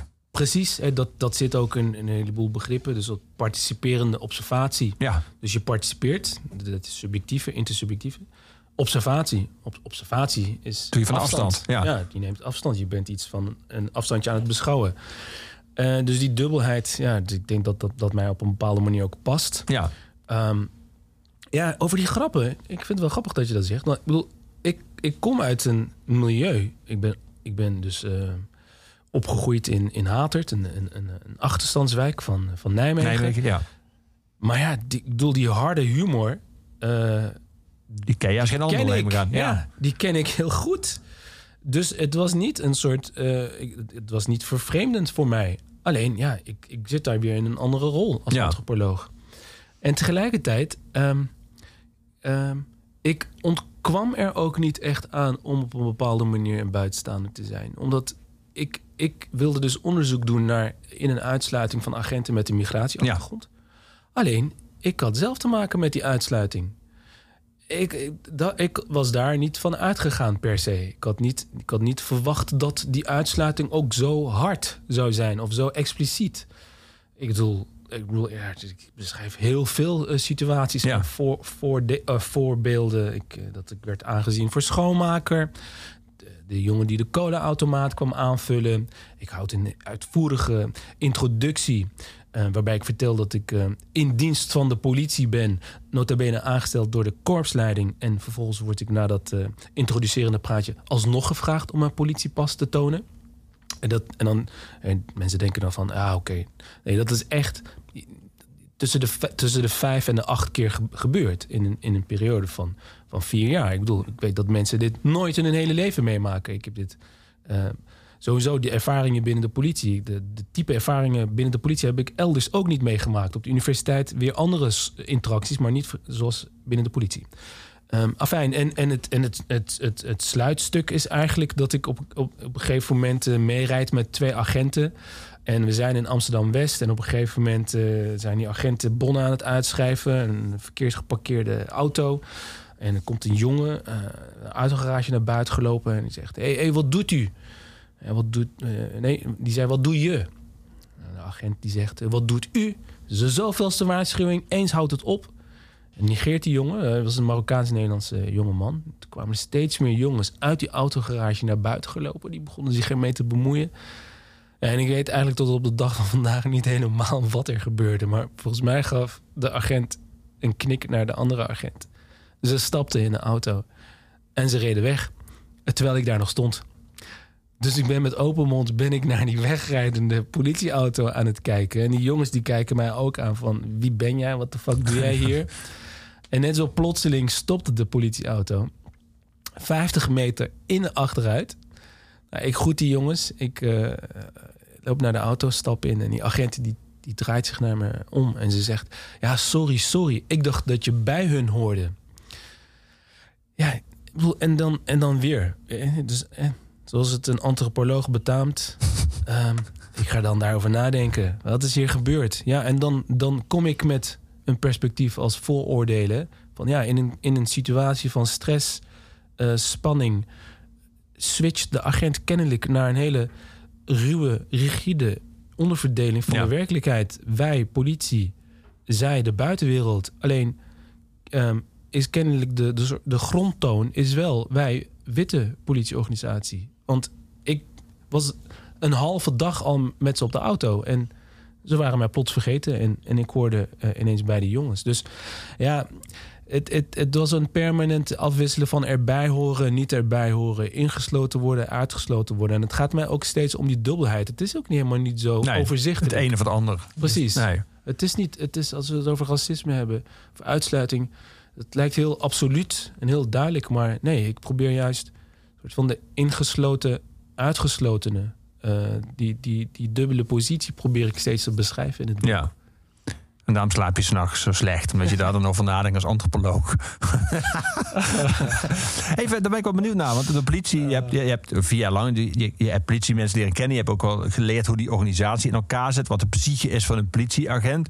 De politie ligt nu heel erg onder vuur. Eh, Ja. Black Lives Matter heeft er natuurlijk ook voor gezorgd. In Nederland ook. op een gegeven moment was ook een politieagent een paar, een paar weken geleden. Die zei van, wij doen het nooit goed. Ja. We zijn of te streng of we zijn niet streng genoeg. En dan zijn we een soort van theedrinkers. Of we zijn een soort van halve fascisten. Wat, wil, wat willen jullie nou eigenlijk van ons? Dat, er klonk bijna een soort wanhoop in, in, in, in, in, eh, na- uit. Van, alsof de definitie van, een, van wat een goede politieagent is... voor de politie ook niet meer duidelijk is. Omdat de samenleving verandert. Ja. Ehm, hoe denk jij dat, dat er, wordt daar denk jij eh, veel over gediscussieerd in de kantines en tijdens de werkoverleggen van de politie? Of, of gaat die kritiek eigenlijk, glijdt die naar de politieagenten heen? Of staan ze eigenlijk met open mond naar te kijken naar wat er allemaal opeens aan de hand is? Hoe, Nee, ik weet, ik weet wel dat, eh, dat dit eh, mensen binnen de politie enorm raakt. En, en dat dit gesprek wordt gevoerd. Alleen, ja, kijk, ik zeg, ik heb altijd wel gezegd. Eh, het is een ondankbare taak van, eh, van politieagenten. Ik zou nooit van mijn leven een politieagent willen zijn. Nooit van mijn leven. Het is enorm complex werk.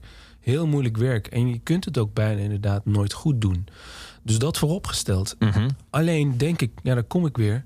Alleen zijn er gewoon normen waarlangs we de politie eh, moeten beoordelen. Moeten. Die, die goodmensch-normen van, van, van zojuist. Dat zijn gewoon rechtsstatelijke normen waarlangs we overheidsoptreden eh, moeten beoordelen. en vooral misschien politie, omdat zij bijvoorbeeld het eh, geweldsmonopolie hebben. Ja, ja ik, het gaat nogal ergens om. Ik bedoel, ze hebben, ze, hebben, ze hebben gewoon het exclusieve recht op het uitoefenen van geweld. Dat, dat heb, hebben jij en ik niet. Eh, dus om die reden ja, wordt dat optreden ook extra ehm, ja, strenger beoordeeld of getoetst of, of, of bediscussieerd. Ja. Ehm, ik, ik denk alleen. ehm, eh, de, politie zit wel in een soort defensieve kramp. En ehm, dat, het, is, het is ook wel tijd om soort zelfkritisch te zijn en, en, en, en te kijken naar: oké, wat is ons aandeel hier nu in? Want ja, eh, op, ze kunnen het niet eh, goed doen en er is veel kritiek. De samenleving verandert, eh, enzovoorts, enzovoorts. Alleen, ehm, en de politie moet ook wel echt veranderen. Eh, er, er zijn serieuze issues. En neem de kwestie etnisch profileren. Ja. Ja, dat, ik, dat, dat proberen mensen al tien jaar lang nu aan te zwengelen. En daar worden bijna geen serieuze stappen in eh, ondernomen. Dus we moeten ook wel voorbij buiten het bijna performatieve, eh, defensieve reactie van we doen het ook nooit goed. Oké, maar laten we nou verder gaan dan dat. En laten we ook gewoon serieus kijken naar van oké, maar hoe verder nu? ja. Dat gebeurt te weinig. We gaan muziek draaien. Muziek voor jouw keuze. Muziek is jouw platenkast. A New Day at Midnight, zo heet het album in 2002 van David Gray. En we gaan het nummer Easy Way to Cry eh, draaien. Eh, wat opmaat is naar eh, Al Green, die ik meteen daarna wil draaien. Met Tired of Being Lonely. Waarom David Gray? Ja, ik, ik, vind, dit, ik vind dit een prachtig nummer. Ik, ehm, ik, vind eh, een ultieme nummer over afscheid. En ik vind ook dat David Gray echt binnen een paar zinnen zo'n hele treffende beelden eh, weet, eh, weet op te werpen, beschrijft. Over rook die door zijn vingers krult. En, ja, ik vind het echt prachtig. Het poëtisch heel sterk. eigenlijk. Heel poëtisch. En Al Green, ja, ik heb Al Green ooit live gezien in, eh, in Paradiso. Ehm, Hij kwam op en ik begon toen zo te huilen. Omdat een, ja, voor mij nog van de eh, weinige levende eh, soul-legenden... die heb ik dus dan live gezien. En hij kwam ook op met, een, met zijn typische uithaal. Ja, ik hield het toen niet meer. Was hij ook heel goed of kon hij eigenlijk niet slecht zijn omdat hij gewoon namelijk Al Green was? Ja, dat laatste. hij, was, hij was natuurlijk niet meer heel erg goed. Maar, Maar hij was Al Green. maar hij is, ja, ja, dat is- Al Green. Ja, ja. Ja, nou, dat is wel helemaal toepasselijk dan. Dat we deze beginnen eerst. Easy Way to Cry. Hier is David Gray. Smoke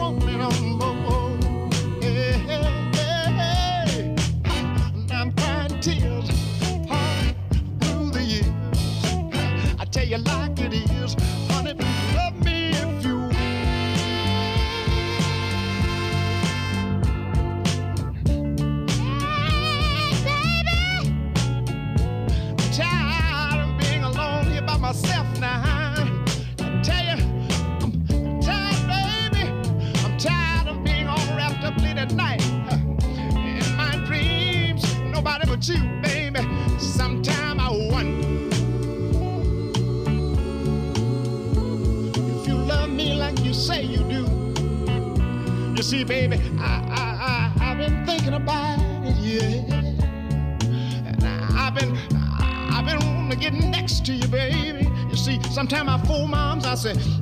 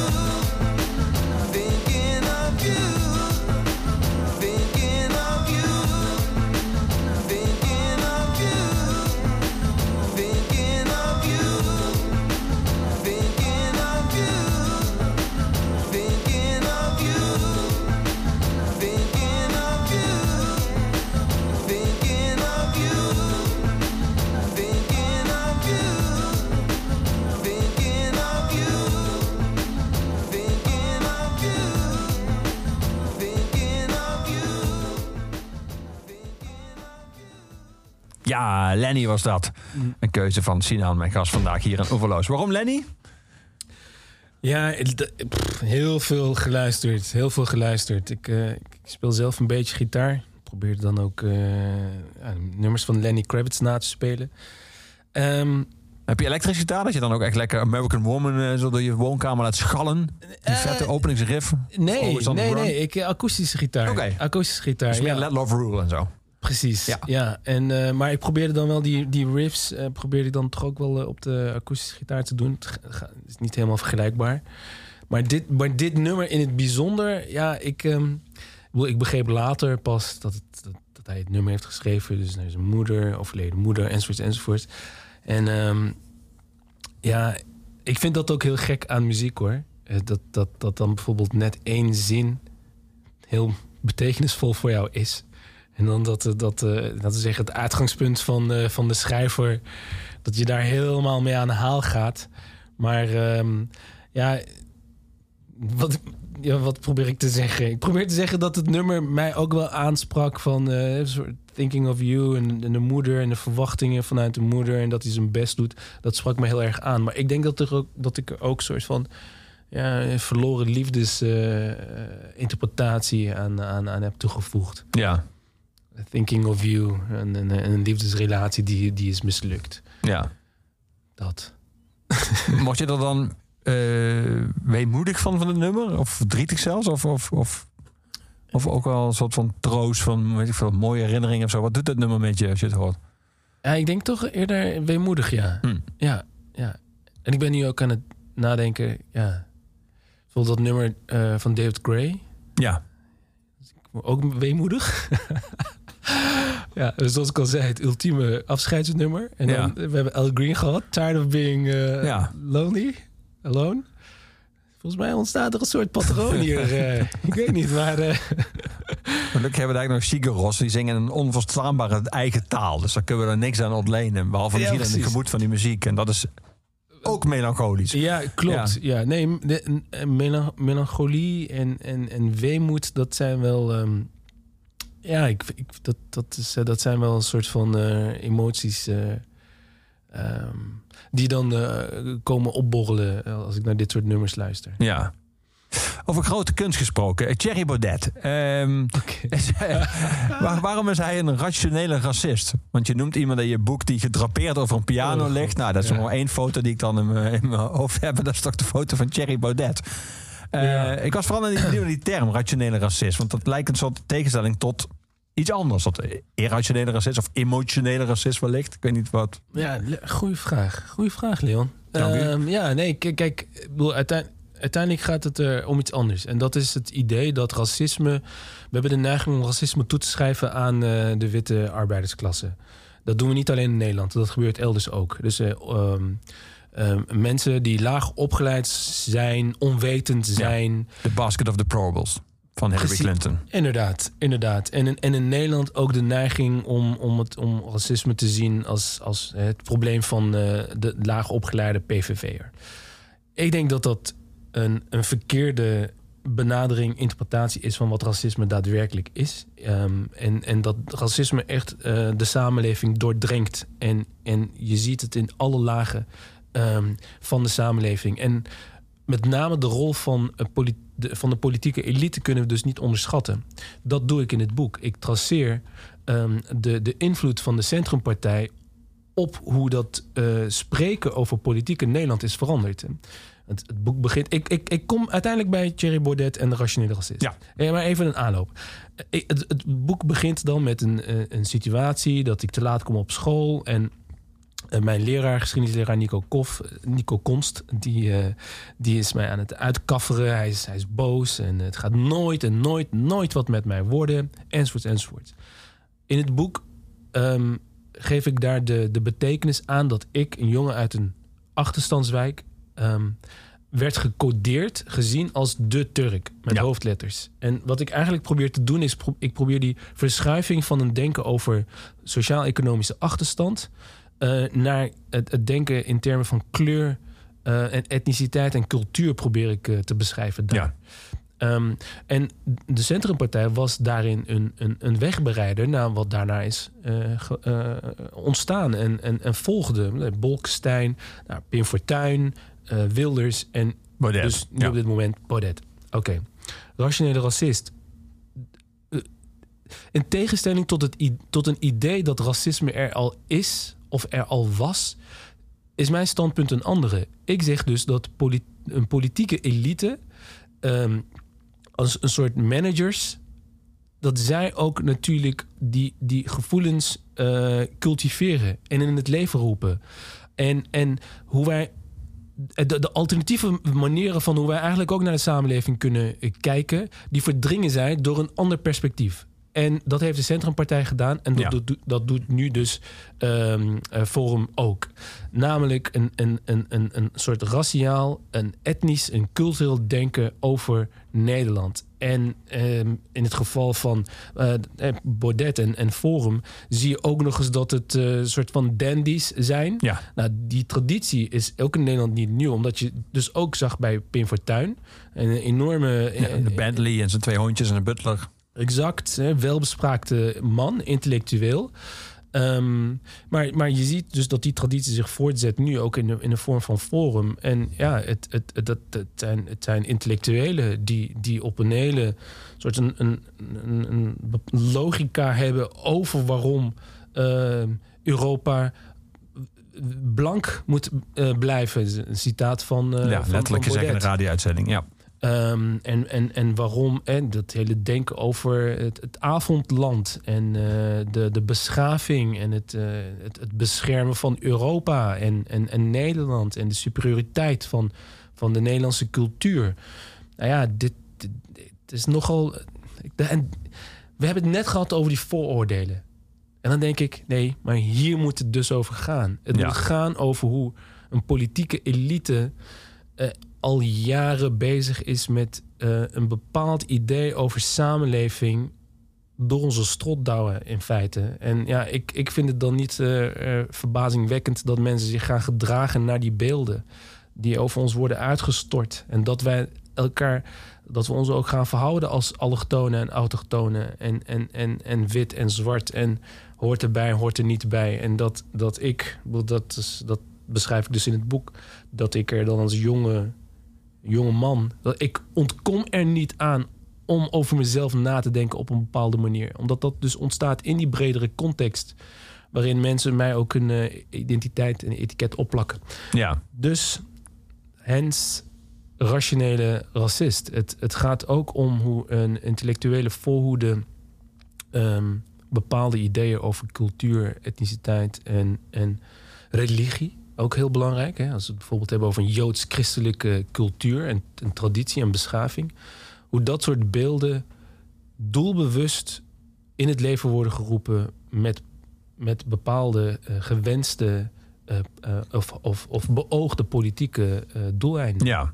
En die Nico Kons, die oude leraar van jou, die, dat, eh, die, waar, die eigenlijk als een, rode draad door het boek loopt. Ook omdat je natuurlijk als lezer heel benieuwd bent naar wat jullie eh, nieuwe ontmoeting eh, gaat opleveren aan, beide kanten. Zou je hem kwalificeren als een rationele racist? Want hij, denk als je, zo- zoals je hem in het boek beschrijft, en ook als ik de Centrumpartij, de Centrumdemocraten kende, was dat, had dat veel minder intellectuele pretenties dan eh Vorm van Democratie en Thierry Baudet. Mhm. Ehm, nou ja, uit, uit- uiteindelijk wel. Eh, maar mi- misschien heb je wel gelijk over die intellectuele pretenties. Ehm, maar ik, ik heb dus toen ik een, een soort mini-onderzoekje deed naar Centrumpartij, ben ik dus ook stukken tegengekomen van Nico Konst, waarin hij ook. ehm, waarin hij toen al eh, een soort conservatief ondergangsdenken beschreef. Eh, opkomst van wat hij noemt tochtwijken en de Bijlmermeers en de vergane glorie, het oude Nederland. En, en, en, en, nou ja, en in zijn analyse is de schuldige heel duidelijk steeds, dat is de buitenlander. Ja, Ehm, het Centrumpartij ging toen nog heel erg uit van een idee van. ehm, ja, bijna ja, hoe, fas, ja, hoe fascistisch wil je het hebben bijna? Maar een soort levensruim in Nederland is vol. eh, Vol is vol. Vol is vol is eh, een term, Ja. Idee, ja. Dus nee, ik denk dat we de Centrumpartij ook wel tekort doen als we, als we niet ook benoemen dat, dat zij wel heel. Dat, dat er een ideologie achter eh, schuilde. Ja, die gewoon- misschien ook al enigszins verhuld door het eh, onbeholpen, door de onbeholpen presentatie van een lijsttrekker en leider, Hans Janma. Dat was natuurlijk zo'n ongelooflijke slemiel die altijd naast zo'n bosje verwerkte bloemen zat en gewoon Nederlanders. Dat was, toch, dat, dat was toch heel moeilijk om daar een serieuze politieke agenda achter te vermoeden, die er wel achter zat, maar dat werd dan min of meer Ja. niet gedaan door het voorkomen van een leider natuurlijk. Nou ja, dat, op een gegeven moment stuit ik dus ook op een citaat van Nico Konst, waarin hij ehm, ehm, over Jan, Hans Janmaat eh, eh, heeft gezegd. Hij heeft het eh, charisma van een setje steun, steunzolen. Ja dus, ja, dus op de achtergrond bolde het kennelijk heel erg. En, Ja. eh, en had je toch de, de, de radicalere konst, die echt wel een idee had hoor. Ja. Een, een ideologie Ja. over waar het naartoe moest. Ja, En, Jij stelt een hele interessante vraag in het boek. Namelijk de vraag of hij, ondanks het feit dat hij een racist is, want dat is hij echt, eh, een goede leraar zou kunnen zijn. Ik, ik was erover nadenken. Ik denk, ja, weet je, dat zou je kunnen vragen. Zou hij, ondanks het feit dat hij een racist is, een goede buur kunnen zijn? Of een goede kennis? Of misschien zelfs een vriend? Ehm, wat is daarop het antwoord?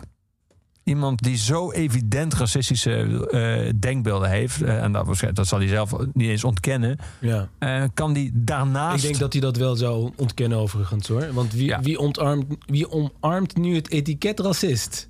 Iedereen die de meest verschrikkelijke, ranzige dingen zegt. Ja, hij zal het dan nationalist noemen en daar dan trots op zijn. En dan betekent het in zijn geval precies hetzelfde Ja, inderdaad. ja. Maar eh, Het antwoord op de vraag. ja, even los van het etiket. In Ja. ieder geval, de ideeën van hem, die staan vast. Eh, kan zo iemand daarnaast ook nog een goede leraar zijn... of een buur of een... eh, nou, welke functie dan ook eigenlijk? Of, Ik denk het wel. Ik denk het wel. Ik, ik, bedoel, principieel, mijn principiële antwoord is... ehm, dat moet mogelijk zijn. Ik maak hierin wel een onderscheid tussen de denkbeelden van iemand en de praktijken. Dus ik vind het niet... Ik bedoel, Nico Konst is een heel erg makkelijk eh, voorbeeld. En die kan je eh, inderdaad een, een, een- label op zijn voorhoofd plakken, racist en hup. Ehm, maar ik vind normaal gesproken... ik- het, het, eh, het, het, het, het woord racist het heeft iets pervers. Ehm, het heeft iets absoluuts weer. Ik bedoel, er zijn racisten en... en eh, het tegenovergestelde van een deugdmens. Maar dan echt het tegenovergestelde. ja, ja, ja, ja. Ik bedoel, ik denk dat het hier ook zinvoller is om een soort eh, een, een continuum, eh, mensen op een continuum te bezien. Ja.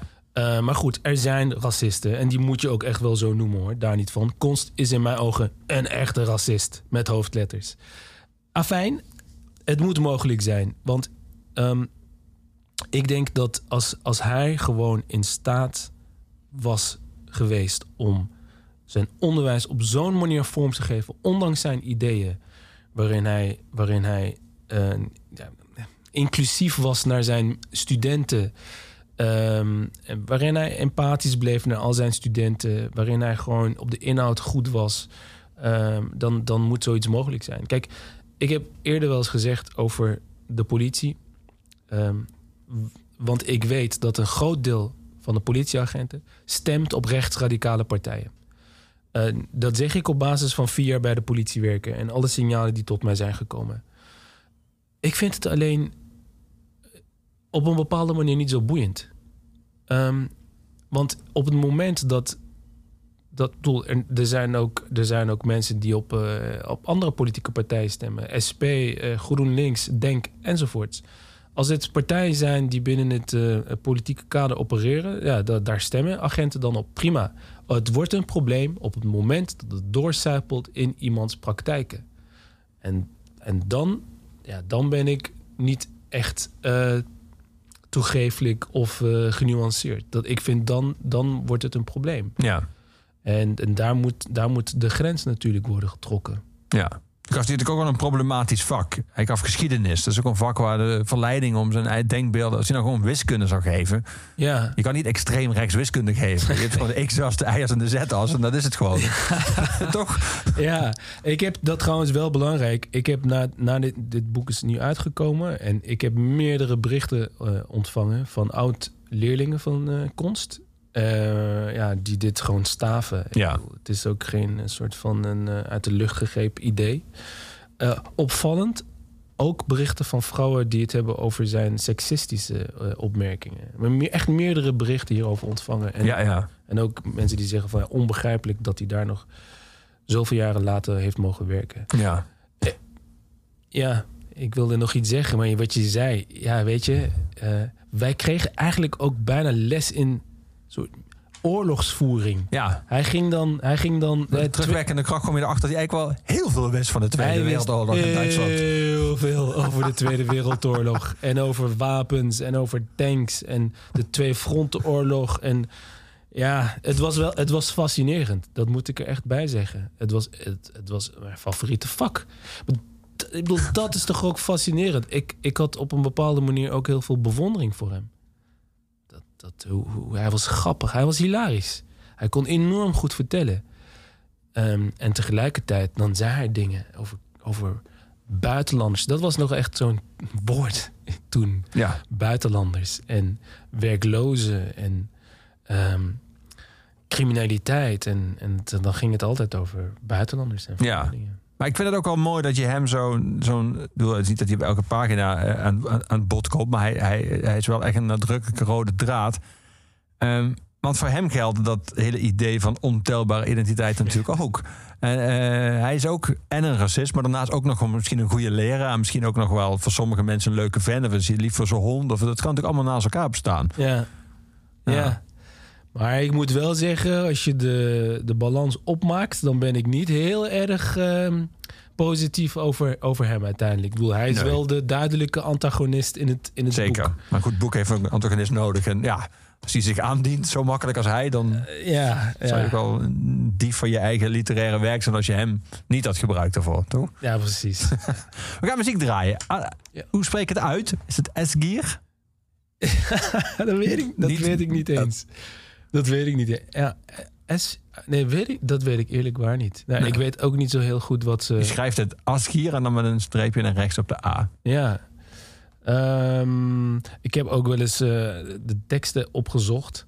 En, ehm, en vervolgens daar, dat laten zitten. Want ik denk dan van, oké, maar ik had een hele andere associatie bij het nummer. Want de- de- deze muziek draaide jij ooit tijdens een, een, een fietsvakantie, Klopt. schreef je. Ja. Ja, hè? Wanneer heb ik dat gezegd? In een mail aan mij. Oh, oké. Hoe zeker was je toen net na weer een doorwaakte nacht vol gedachten wakker.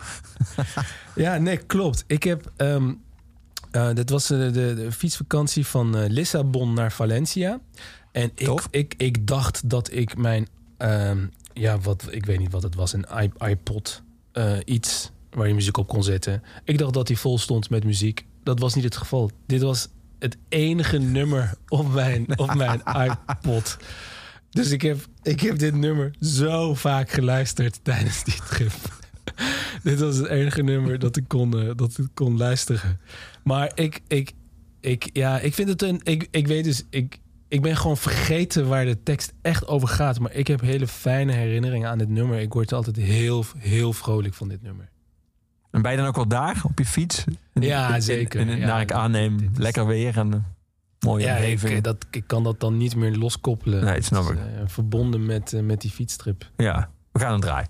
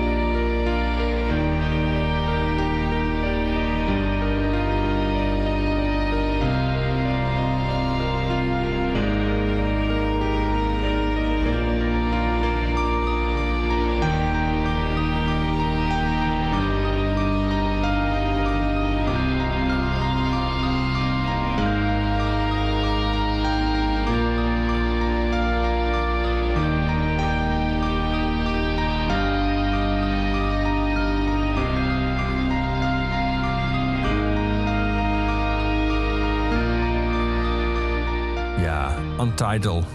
Untitled number 3 van Sigur Rós. Prachtige, het IJsland. Ook geweldig live. En ja, in een eigen taal dus. Of zoals ze zelf noemen, het Hooplandish zingen. Eh, waarom deze, Sinan?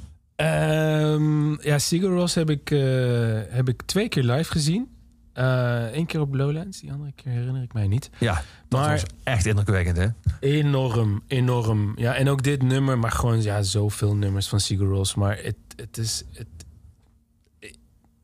dat doet muziek natuurlijk. Het heeft gewoon een directe lichamelijk eh, effect. Maar, maar bij zoveel nummers heb ik het echt het idee dat, eh, dat, dat, dat je boven jezelf zweeft. Dat, dat, dat, dat, die- dat repetitieve...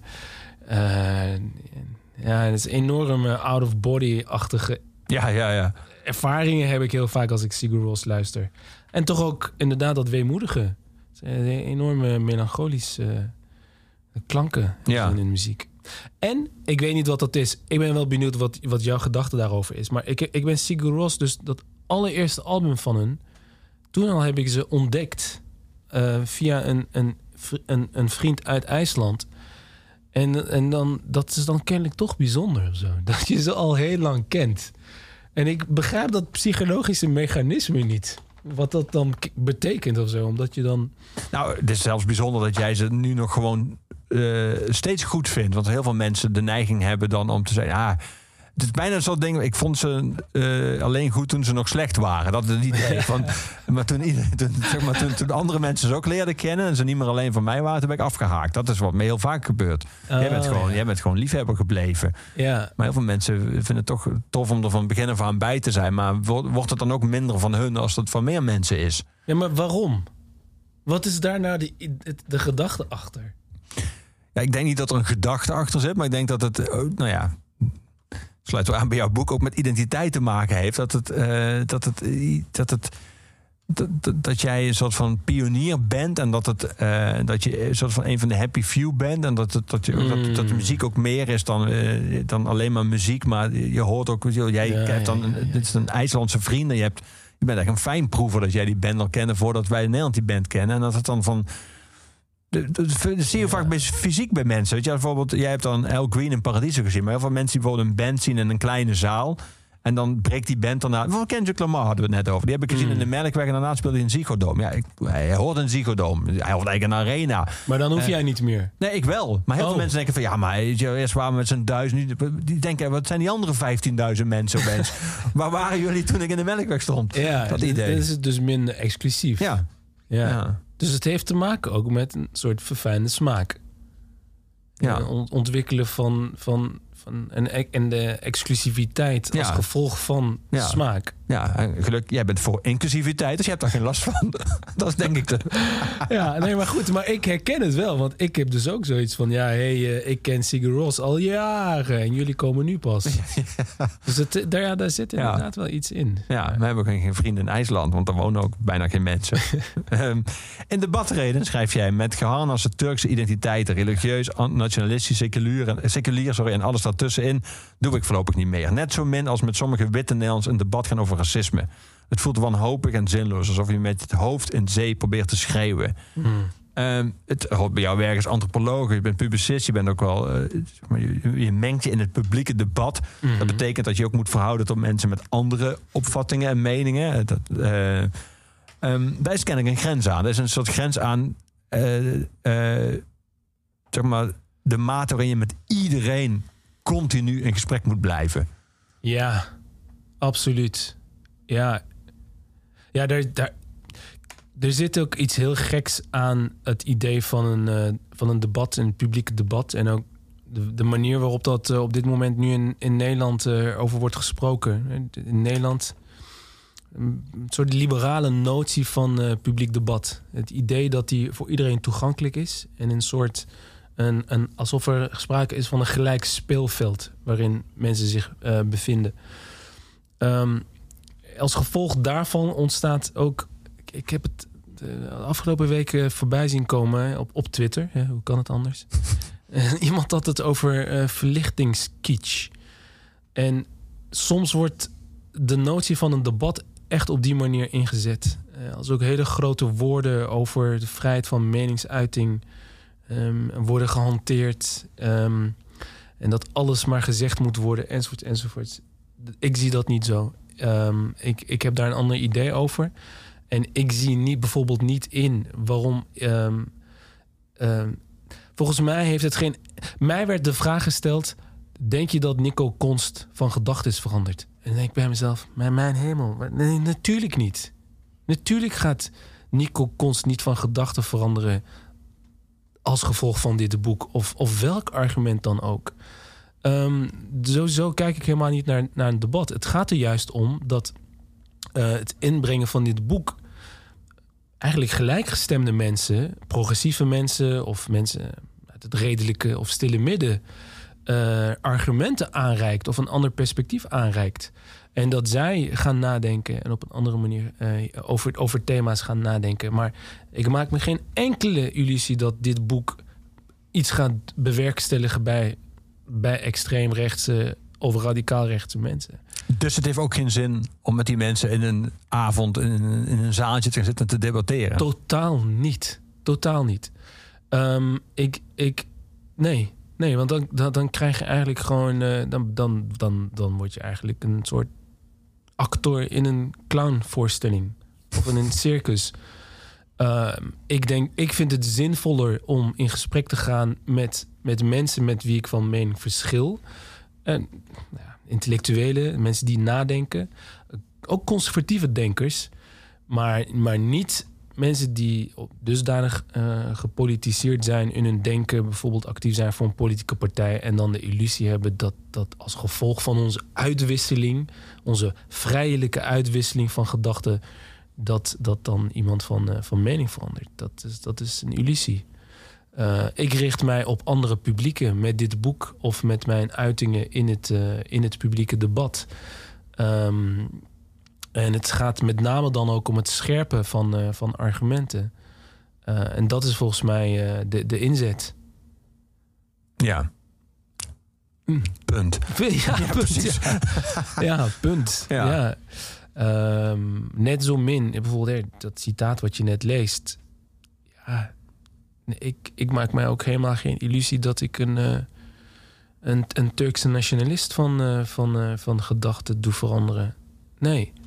Ehm, ik, ik probeer wel een soort van inzichtelijk te maken van, eh, nou ja, dit is hoe nationalisme werkt en zo steekt het in elkaar. En, en, en dit is een andere perspectief op nationalisme. Eh, maar niet met het idee dat dan het boek of die teksten per se de mensen bereiken voor wie het eh, ertoe doet. Nee. Gelukkig veel andere mensen wel. Eh, mijn ontelbare identiteiten liggen nu in de boekhandel uitgegeven door de bezige bij Sinan. Super bedankt dat je er was vandaag. Jij bedankt voor de Het einde van uh, Oeverloos is nabij. Oeverloos iedere week te luisteren via alle streamingkanalen en de Kink-app en de Kink-site. Dan wordt je aangeboden door de muziekgieterij.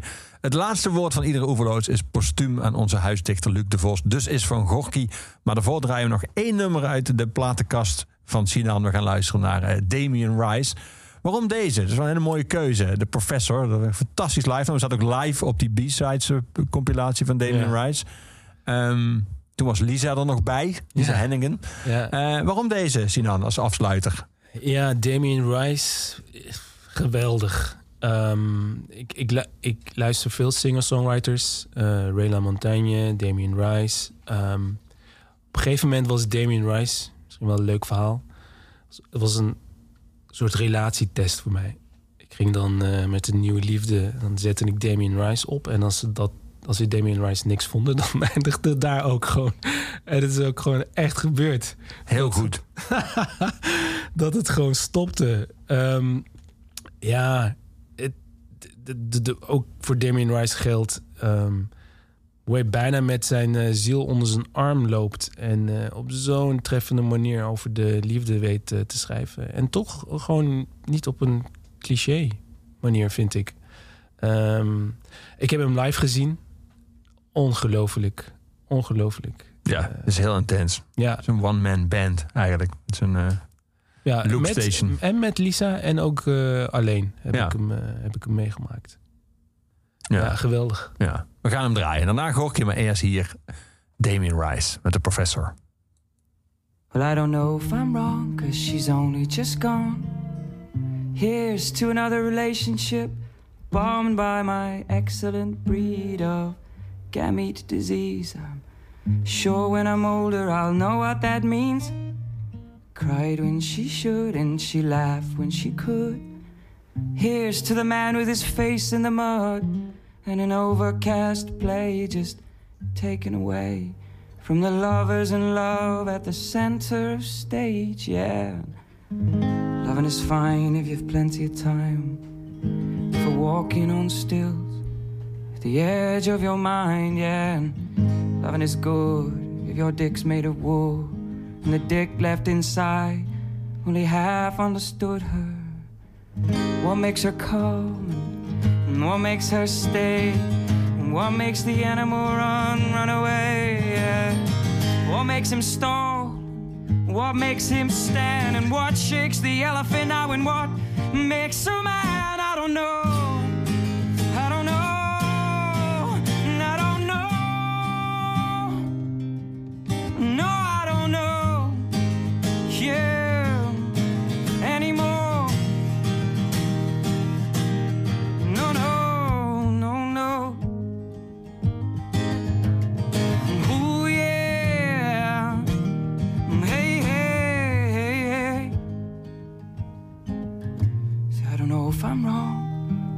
Only just gone. Why the fuck is this day taking so long? I was a lover of time. When once she was mine, I was a lover indeed. I was, was covered in weed. I cried when she should, and she laughed when she could. But closer to God is the one who's in love, and I walk away cause I can. Too many options may kill a man, and loving is fine if it's not in your mind. Yeah, but I fucked it up now too many times. Yeah, loving is good if it's not understood.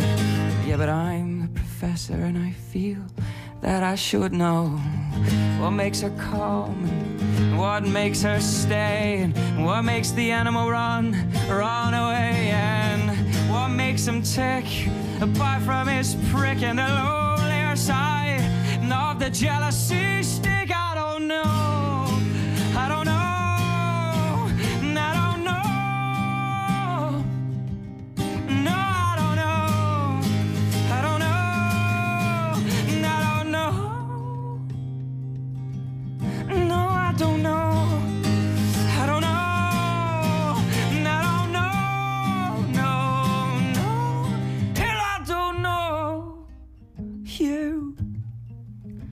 Anymore. No, no, no, no. Ooh, yeah. Hey, hey. Well, I don't know if I'm wrong. It's cause she's only just gone. Here's to another relationship bombed by my excellent breed of, of gamete disease. I finished it off with some French wine and cheese. La fille danse quand elle joue avec moi. Et je pense que je l'aime des fois. Le silence n'ose pas, dis donc, quand on est ensemble. Mettre les mots sur la petite dodo.